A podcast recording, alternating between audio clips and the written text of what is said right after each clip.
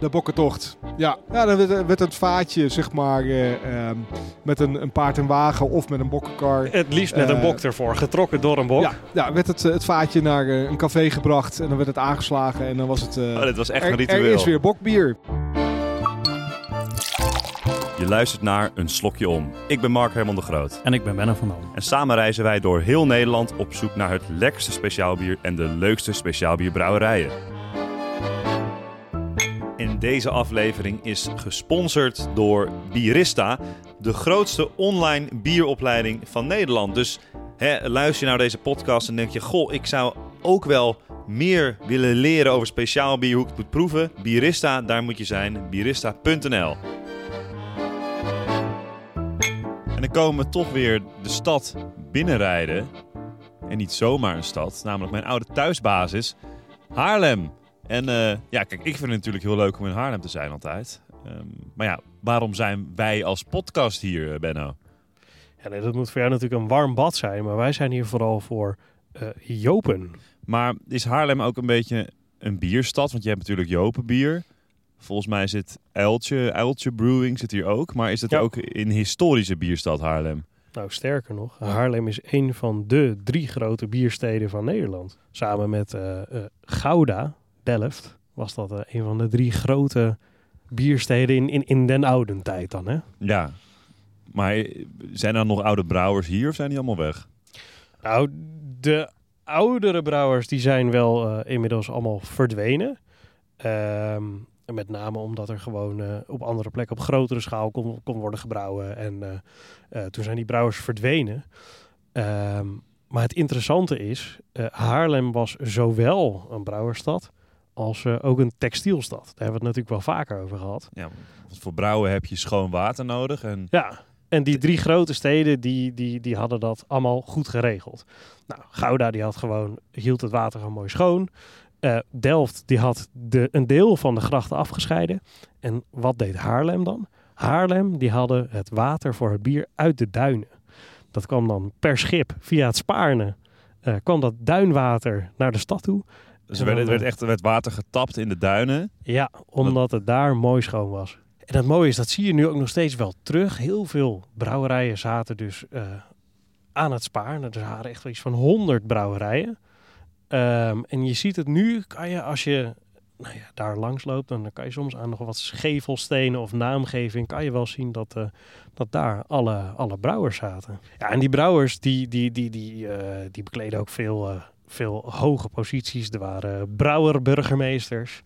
En ehm, nou ja, voor mij is Haarlem toch ook wel onlosmakelijk verbonden met, met de 80-jarige oorlog. Altijd spannende boeken daarover gelezen. Nou, voor Ja. Haarlem is dat natuurlijk heel vreselijk geweest. Ja, want Haarlem heeft heel lang weerstand geboden tegen de Spanjaarden. Ja. Maar in tegenstelling tot Leiden zijn zij niet ontzet. Zij zijn ingenomen door de Spanjaarden. Ja, en, en de, de halve bevolking over de kling gejaagd. Maar eh, ja, dat was wel eh, een van de eerste echt grote tegenslagen voor de Spanjaarden. Ja, En- dat, dat, dat, dat Haarlem zo lang tegenstand kon bieden, was een tegenslag voor de Spanjaarden. Zeker. En het, eh, het zet ook heel veel andere steden aan om. nou ja, nadat er zoveel mensen werden vermoord in Haarlem. Nou ja, dat, dat, dat kweekte erg weinig goodwill natuurlijk bij de, bij de Nederlandse bevolking. En veel andere steden die vreesden van ja, maar weet je, eh, als we ons opgeven, dan worden we alsnog allemaal, eh, allemaal vermoord, omdat we gewoon het verkeerde geloof hebben. Ja, Ehm, dus, dus ja, bij, bij Haarlem eh, veranderde die hele opstand toch wel. En ik las laatst een, een, een heel mooi artikel waarin twee economen hadden berekend dat bier Nederland ook uiteindelijk naar de overwinning heeft geholpen in die 80 jaar. ah, na- natuurlijk. Nee, echt waar. Want iedereen dronk natuurlijk bier in die tijd. Van jong tot oud dronk bier en daar werd ook hartstikke veel belasting over gegeven. En omdat die oorlog zo lang duurde, was de belasting op bier was een ontzettend goed stabiel inkomen Ja, om ja, ja. voor steden om, om maar te kunnen blijven vechten. Nee, twee twee eh, economen, Koen de Koning en Johan van Zwinnen, die hebben berekend dus dat eh, de belasting op bier een cruciale rol speelde in de financiering van de opstand. Wij gaan naar de Jopenkerk toe. We gaan even bier proeven. En daar ja, toch wat meer horen over een van de grotere speciaalbierbrouwerijen van Nederland.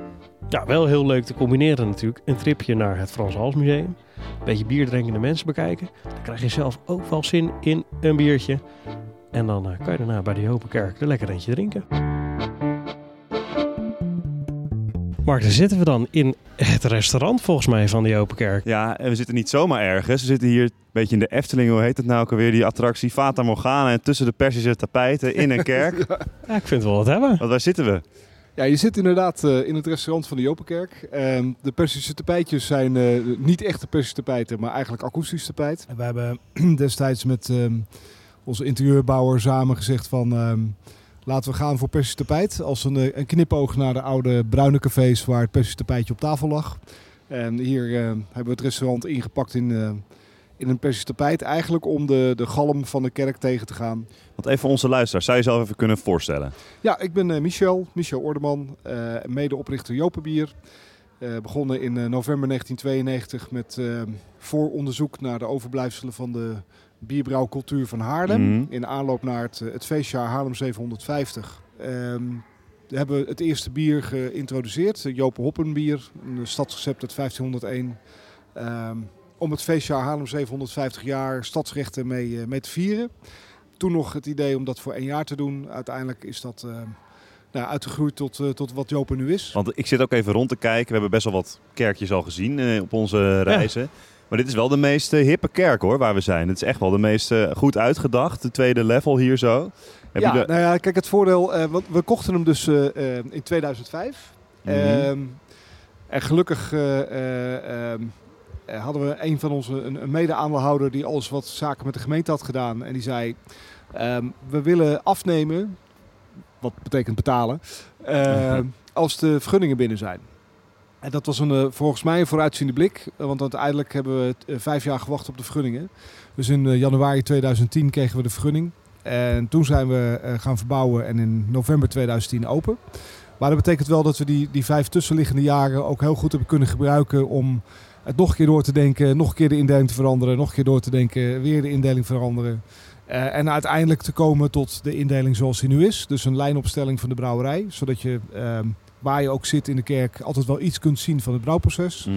Ehm, een, een soort opengewerkte zwevende restaurantdoos waar we Ja, er nu in zitten. ja. Met een, een loopbrug verbonden ehm, met een balkon wat eh, zeg maar eh, de keuken aansluit bij het restaurant. Mhm. En een van de belangrijkste dingen, denk ik, waardoor die misschien niet meer de, de, de, het kerkelijke gevoel heeft, of minder het kerkelijke gevoel heeft, is dat we hebben besloten om de muren die wit waren eh, rood te schilderen. Ja, En daardoor heb je meteen eigenlijk een soort warm kroegeffect. Ehm, en ik denk dat die daardoor eigenlijk het meeste ontkerkelijkt is, zeg maar, qua gevoel. was dus eigenlijk eh, de bovenkant, de onderkant en, en ook delen van de zijkanten. Ja, ja, ja, nee, ja, zeker. Ja, we hebben, het was eigenlijk gewoon een, een casco gebouw Ja. wat, eh, ehm, ja, waar al tien jaar geen onderhoud meer aan was gedaan. En ehm, ja, wat wij grootschalig hebben gerenoveerd. kijk, we hebben het nu over de kerk, maar Jopen als bier. Wat, wat voor bier is, is Jopen nou precies? Nou, je, je kan niet zeggen ehm, dat wij staan voor één soort bier. Eh, we, we zijn begonnen met het, ehm, eh, wat ik al zei, het opnieuw brouwen van de, de Haarlemse stadsrecepten. Mhm. Eh, om te beginnen het, het hoppenbier uit 1501. En een jaar later, om aan te tonen dat we doorgingen naar het feestjaar, hebben we dan ook nog het, eh, het gruitbier erbij op de markt gebracht. Die moet je denk ik wel even uitleggen voor de Oké, luisteraars. nou ja, de gruitbier, eh, voordat wij eh, in, in Nederland met hop gingen brouwen, en dat ze hebben het over ehm 13e eeuw, ehm, werd er eh, overal eigenlijk gebrouwen met gruit. En dat was een, een mengsel van kruiden. En dat varieerde ehm, van regio tot regio. Hè, wat, wat was daar voorhanden? En in Nederland ehm, was in ieder geval het meest kenmerkende eh, kruid wat daarin zat gagel. Een gagel is een soort ehm, grote struik die in, in waterrijke gebieden groeit. Ehm, houdt van natte voeten en zure grond, dus een beetje moerasachtig, zeg maar. Nou, het was in ieder geval smaakmaker, vergelijkbaar met hop en gaf ook bitterheid. Maar hier werd mee gebrouwen voor de 13e eeuw. Ja. ja. Ja. Dus jullie brouwen een vroeg middeleeuws bier Ja, en een laat middeleeuws. Dus En het, hop, het hoppenbierrecept wat wij volgen is uit 1501. is eigenlijk vergelijkbaar met eh, de kooit of de kuit. Zoals Mhm. we eh, de- de- dat een paar jaar geleden ehm, heeft dat wat aandacht gekregen. En dat eh, was eigenlijk een kopie van het, ehm, Het Duitse hamburger eh, eh, eh, hoppenbier. Ja, ja, ja. Eh, alleen bevatte dat voornamelijk gerstemout en een klein beetje tarwemout. Maar Nederland had arme grond. Dus gerstemout groeide gerst groeide hier niet zo goed. Dus vandaar dat de Nederlandse brouwers hebben gezegd... wij nemen haver, want dat is hier eh, goed verkrijgbaar. Eh, en zo is eigenlijk de Nederlandse stijl hoppenbier of kuit eh, ontstaan. Waarbij haver het belangrijkste ingrediënt is. dat, is echt jullie, dat is echt jullie trademark, jullie Ja, handelsmerk. Ja, en die, dat is ook de eerste ehm, 16 jaar ons grootste product ge- gebleven. Ehm, En then IPA happened. Oftewel, Ja, ja, ja. ja. toen, toen kwam IPA. En, Ja. eh, en, eh, ja, dit- dus nu is eh, de top drie zijn drie IPA-varianten.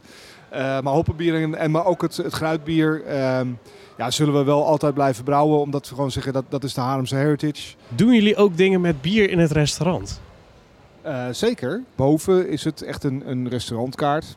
En eh, we hebben eigenlijk gezegd, we willen bewijzen dat, dat craft bier ehm, net zo goed bij eh, mooi eten past als wijn. Want de- in, de- in de tijd dat wij begonnen, zei iedereen, ehm, als je toen zei, ja, bier bij eten, ja, eh, tuurlijk als je, eh, als je een eetcafé hebt, dat, is, dat is wel lekker met een speciaal biertje. En wij ook Mhm. zeggen van, nou ja, maar ook als je boven eetcafé niveau kookt, ehm, ja, dan willen wij gewoon graag laten zien dat, eh, dat, dat craft bier, dat speciaal bier daar ook goed bij past. En eigenlijk net zo goed als wijn.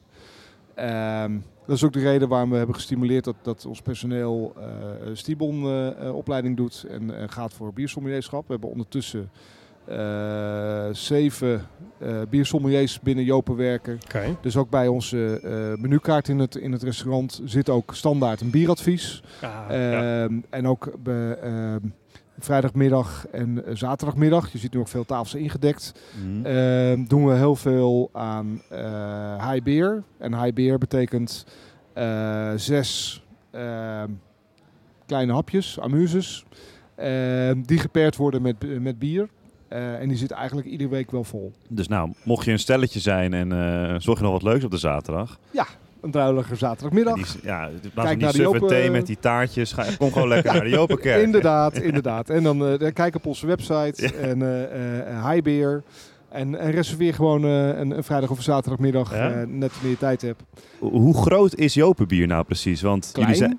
maar ehm, in Nederland zijn, zijn alleen maar kleine craftbrouwerijen. Dus voor Nederlandse begrippen eh, worden wij gezien als eh, eh, de grootste onder de kleine. Mhm. Maar ja, dat is, dat- om het maar met Calimero te zeggen, van, dat, dat blijft, het, het is gewoon, eh, we zijn gewoon internationaal gezien, is Jopen een kleine craftbrouwerij. Ja, Alleen we zijn wel de succesvolste van Nederland. ja. Dus, Dus- daarom denken heel veel mensen van, eh oh Joop is zo groot. Ook omdat wij vanaf dag één hebben gezegd, eh we willen ons bier verkopen waar de consument het wil, eh, waar de drinker het wil kopen. Tweederde van het bier in Nederland wordt thuis gedronken.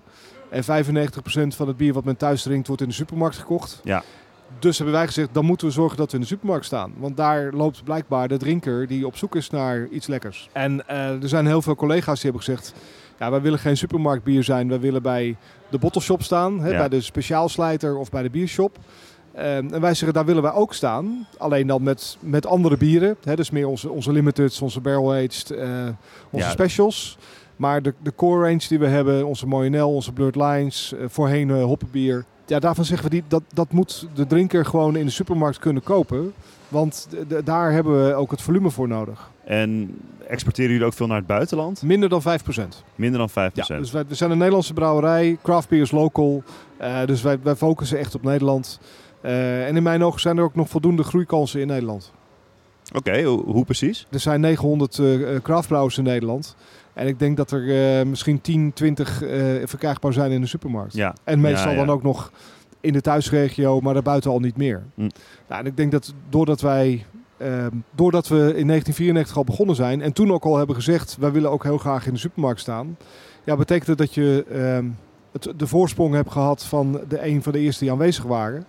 En daar nu nog op kunt teren. Jopen is een, is een kleine, nee, onafhankelijke Nederlandse craftbrouwerij.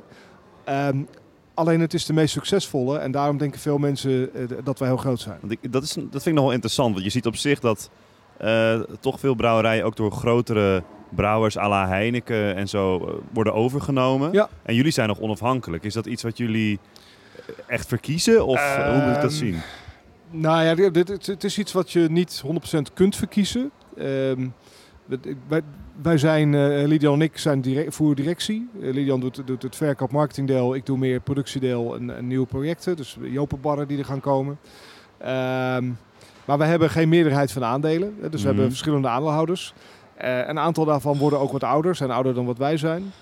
En ja, stel dat zij ooit een bod krijgen. ehm, I'll make you an offer you can't refuse. Ja, Ja, dan is het niet iets wat Lidian en ik kunnen tegenhouden. nee. Eh, en er zitten natuurlijk ook voordelen aan overgenomen worden. Ja. Ik bedoel, het leven wordt een, een stuk eenvoudiger op het moment dat je onderdeel bent van een, een, een grotere concern.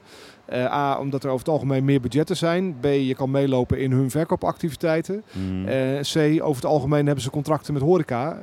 Ja, als als een nieuwe zaak van Heineken opengaat, eh, dan zal daar een kraan Tessels bij zitten en een kraan Oedipus Ja, bij zitten. ja. Als er een nieuwe zaak van Bavaria opengaat, dan zal er een kraan De Molen en een kraan Uiltje bij zitten. ja. Alleen de, eh, de, de, de winst die ermee gemaakt wordt, ja, gaat in de, eh, wordt, wordt genomen in het grotere concern. Mm. Ehm, en, en het is dus wat dat betreft geen, nou, geen small business bedrijf meer.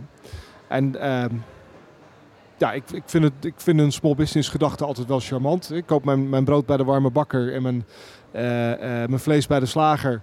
Eh, en ik koop inderdaad de bieren die ik thuis drink over het algemeen bij een, een bottleshop. Ja. Ehm, en, en dat is ook een beetje de gedachte die, die ik heb bij, bij onze brouwerij. Ehm, maar nogmaals, als er, als er een grotere partij langs zou komen die een aanbod maakt wat wij niet kunnen weigeren, ja, dan zullen wij ook daarin mee moeten. Inmiddels eh, zijn er ook eh, drie biertjes voor ons eh, neergezet. Ja, de eerste is zo te zien het hoppenbier. Ja.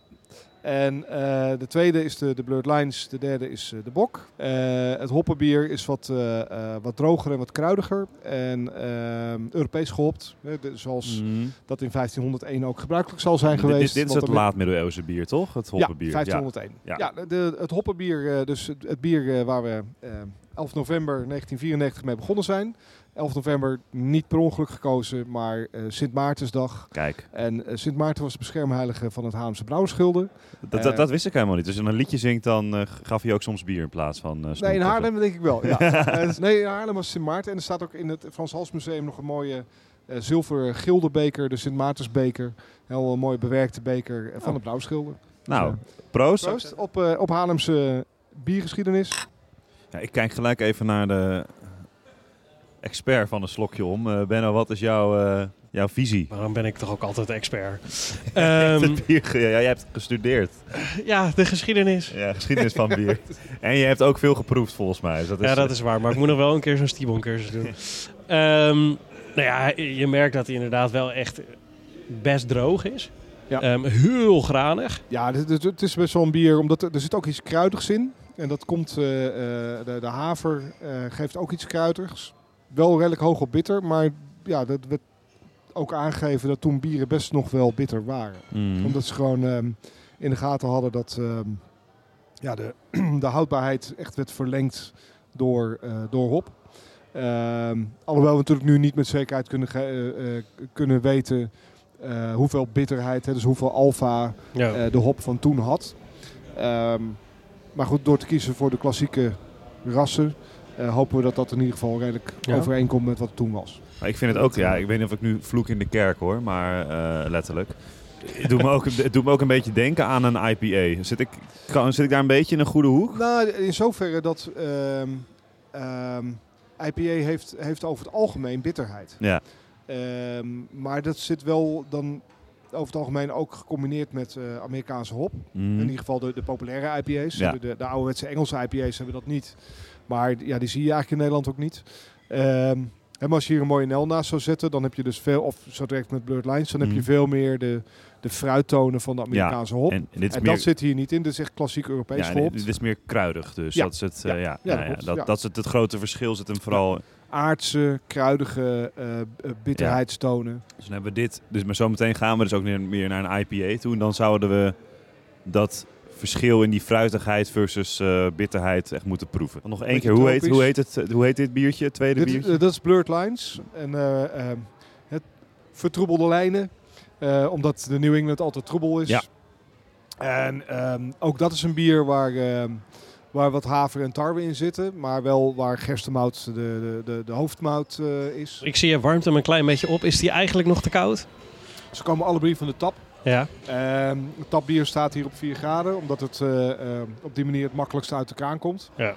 Ehm, en omdat heel veel eh, mensen het gewoon hun bier graag koud drinken. Als proever zijnde heb je hem eigenlijk liever rond de 7, 8 graden. Omdat dan gewoon de aroma's veel beter loskomen. Oké. Ehm, dus vandaar, maar ja, je kan wel je hand om je glas houden om hem een beetje op te warmen. Eh, andersom, om hem af te koelen, dat is een stuk lastiger. Dus je kan het beter te koud serveren en opwarmen dan eh, Dus te voor al- warm. En, eh, Alle luisteraars thuis, als je nou nog een keer iemand wil, indruk wil maken op iemand als, als bierkenner, dan moet je eventjes je hand om je glas en dan vertel je dit feitje. Ja, of zeg van joh, eh, ik haal hem nu al uit de koelkast. eh, en dan kan hij een klein beetje acclimatiseren. Of je hebt de En, koelkast eh, op 8, 7, 8 Ja, graden. nou ja, als, je- als je daar de mogelijkheid toe hebt, dan is het helemaal mooi. Ja, en Ehm, even, even praktisch, want wanneer mag het nieuws naar buiten komen van eh, de medaille? Is dat... eh, 29 november. Oh, oké, nou daar gaan we het gaan zo we even over hebben. Dat, eh, daar, wou ik, daar wou ik daar nog even over induiken, want dit, deze, dit biertje heeft dus de, een gouden prijs gewonnen, een Europese gouden prijs. De meeste brouwers vinden het geen biertje, maar een bier. Ik vind het niet echt als je wijntje zegt, maar een bier is gewoon een bier. Dit bier heeft de European Beer, Beer Star gewonnen ja. en is dus nou, de beste van Europa. Als Ja, het, eh, In, Ja, in zijn in categorie, zijn dan, hè? categorie. Ja, in de, in Ja. de stijl New England IPA. Nou, laten we dat maar ook gelijk eventjes eh, proeven dan, denk ik. Dan gaan we door naar de, de Blurred Lines. Hè, Er zijn heel veel mensen die binnenkomen die zeggen... Oh, eh, maar Jopen, jullie doen toch heel veel met IPA? Ja, maar ik, ik hou helemaal niet van IPA. Nou, dan laat onze barteam laat dan een slokje hiervan proeven. Nou, proef dit eens. Oh, maar dit is wel lekker. Ja, want maar ik- dit, is, dit is ook IPA. Alleen... Ik, vind, ik vind deze helemaal niet zo bitter ook. Nee, eh, ja, dat klopt. Nee, Het is dit- echt heel fruitig. Sterker nog, deze, de, qua bitterheid zit dit onder het hoppenbier. Ja. Ja.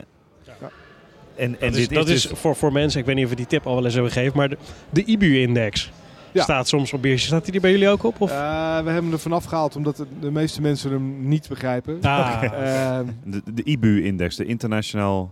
International Bitter Units. Maar, maar eh, qua beeld- beeldvorming, eh hoppenbier zit op 40 EBU, IBU. International Bitter Units. Ehm, dat is voor een, eh, eh, een blond bier vrij hoog. Ja. Eh, als, je, als je nadenkt, een, ehm een Heineken Pils, een Leffe Blond, ehm, dat zit, ehm, Heineken zit op 20 IBU. Ehm Hertog Jan zit op 16. Eh Leffe Blond zit rond de 15. Eh, dus 40 is dan aan Ja. de hoge kant. En wat is een gros dan bijvoorbeeld? Gros zit rond de 30. Oh, Oké, ja, dat is toch, toch grappig. Want veel... je hebt Toch altijd de discussie tussen pilsen, wat is nou eh, Ja, makkelijker brand- drinken en de- zo. Van de bulkpilsen in Nederland, Brand en, eh, en Gros, die zitten eh, rond de 30. Brand zit volgens mij zelfs iets boven de 30 nog. De oude Brand Oertype, Brand Up, die zat op 40. Ah, Oké. Dus dit is, dit is Dat- gelijk dat aan een, ja. Brand Up. Eh, maar dus de, de Blurred Lines zit daaronder, die zit eh, rond de 25, 30. Ja, dat, dat, dat maakt hem gewoon heel zacht en Mhm. vriendelijk. Zullen we door naar het laatste biertje gaan? Ja, dat is goed. Ehm, bokbier, omdat het herfst is. Het regent Eh, en buiten. Omdat het regent. ehm, en omdat hij eh, eh, het tweede jaar op rij verkozen is tot lekkerste bokbier van Nederland. Het derde bier ehm, wat we ooit gelanceerd hebben was bokbier. Waarom? Omdat we in het eerste jaar dat we bezig waren merkten dat we in oktober opeens ehm, de omzet terugviel. Oh, De, de, de bar-eigenaar bestelde geen, geen bier meer. En toen zijn we gaan informeren van, joh, wat is er aan de hand? Eh, hoezo eh, bestel je geen, eh, geen jopen meer? En toen zei de bar-eigenaar, ja, het is oktober, het is bokbierseizoen. en Dus ik zet op die kraan nu mijn bokbier. Hij zei, als wij nou volgend jaar dan met een bokbier zouden komen, zou je hem dan... ah, als, ja, als jullie met een bokbier komen, dan zet ik jullie bok erop. Dus nou, dan moeten we met een bokbier komen. nou, laten we hem even proberen, zou ik zeggen. Proost. Ja, dat is wel erg lekker hoor. En wat maakt iets nou een bokbier eigenlijk? Ja, dat is, een, eh, dat is leuk. Ik had vorige week daar een mooie eh, discussie over met een aantal mensen uit de bierindustrie. Eh, eigenlijk het enige wat, wat eh, vast ligt, is dat het eh, boven de 15 plato moet zijn als je het brouwt. Wat is Dus dat? de, de, de- het stamwoordgehalte van de wort, oftewel hoeveel vergisbaar of hoeveel suiker heb je in je vloeistof voordat je het gaat vergisten. Ja, Dus dat zegt iets over de, de dikte van je beslag, om het zo maar te Mhm. zeggen. En dat betekent dus ook, zegt dus ook iets over de volheid en het, en het alcoholpercentage van het bier wat eruit komt. En ehm, het moet donker zijn. ehm, dus er staat een, een bepaalde kleurcodering in waar die tussen Mhm. moet zitten. En hij moet een, ehm, eh, een bepaalde hoeveelheid bitterheid hebben. En Maar- daarna oh. wordt het eigenlijk persoonlijke voorkeur van de brouwer dan wel van dus de, dus van de een, drinker. een goede herfstbok is dik, donker en een beetje bitter. En hoe je het dan verder doet, dat is helemaal... eh, Is vrij. en begint Met? met veel suiker. Met Ja. veel suiker. Ja, qua niet, niet suiker letterlijk, maar Nee, vergisbare, Vergisbare vergisbare, suikers. in je beslag. Ja, Ja. Ja. dus hoe, en hoe je hem dan vanaf daar verder invult, dat is helemaal aan de, de brouwer. Ja, er zijn, eh, eh, er zijn ook brouwers die zeggen, nou, de- wij hebben hem dan met vier granen.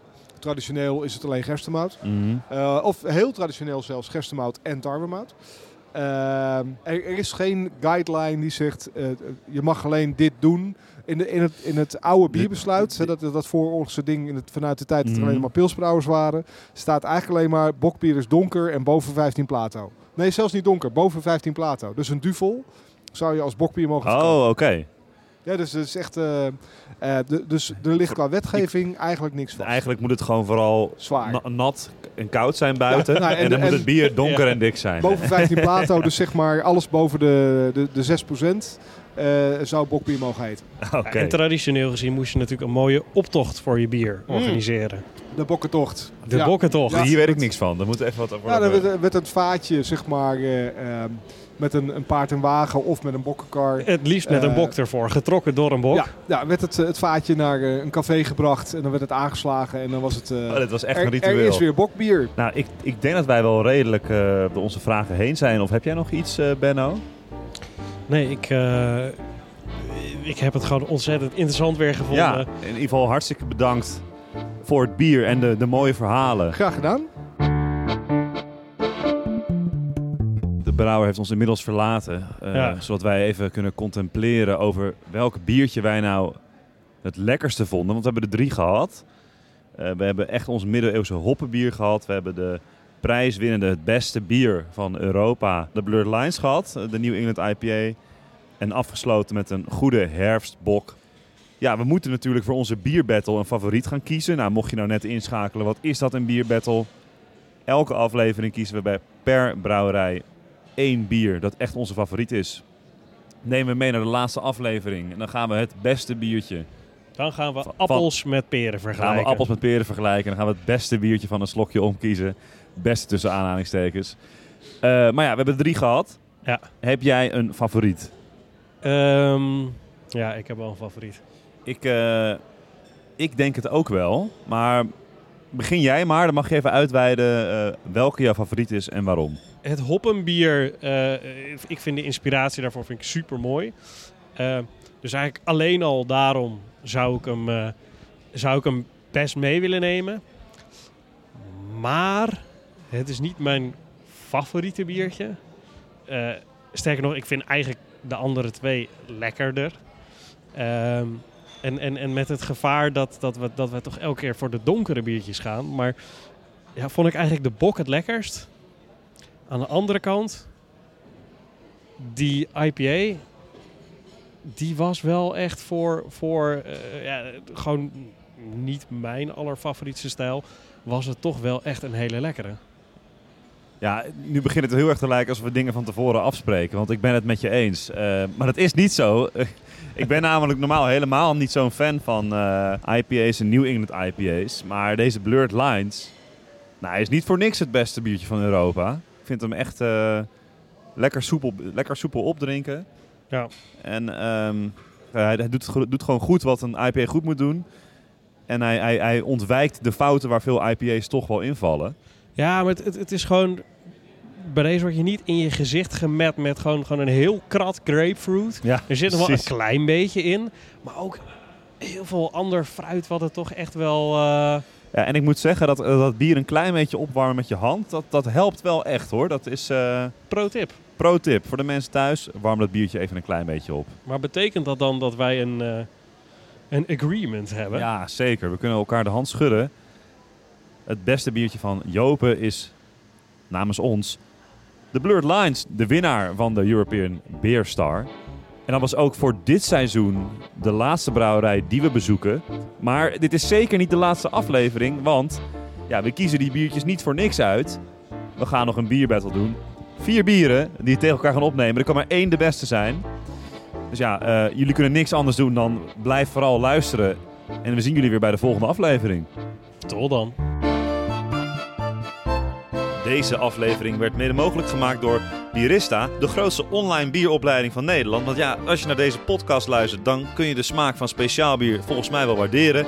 Dus dan zou ik zeggen, zorg nou ook dat je er wat meer over leert. En ga gewoon even een cursus doen bij Bierista op bierista.nl.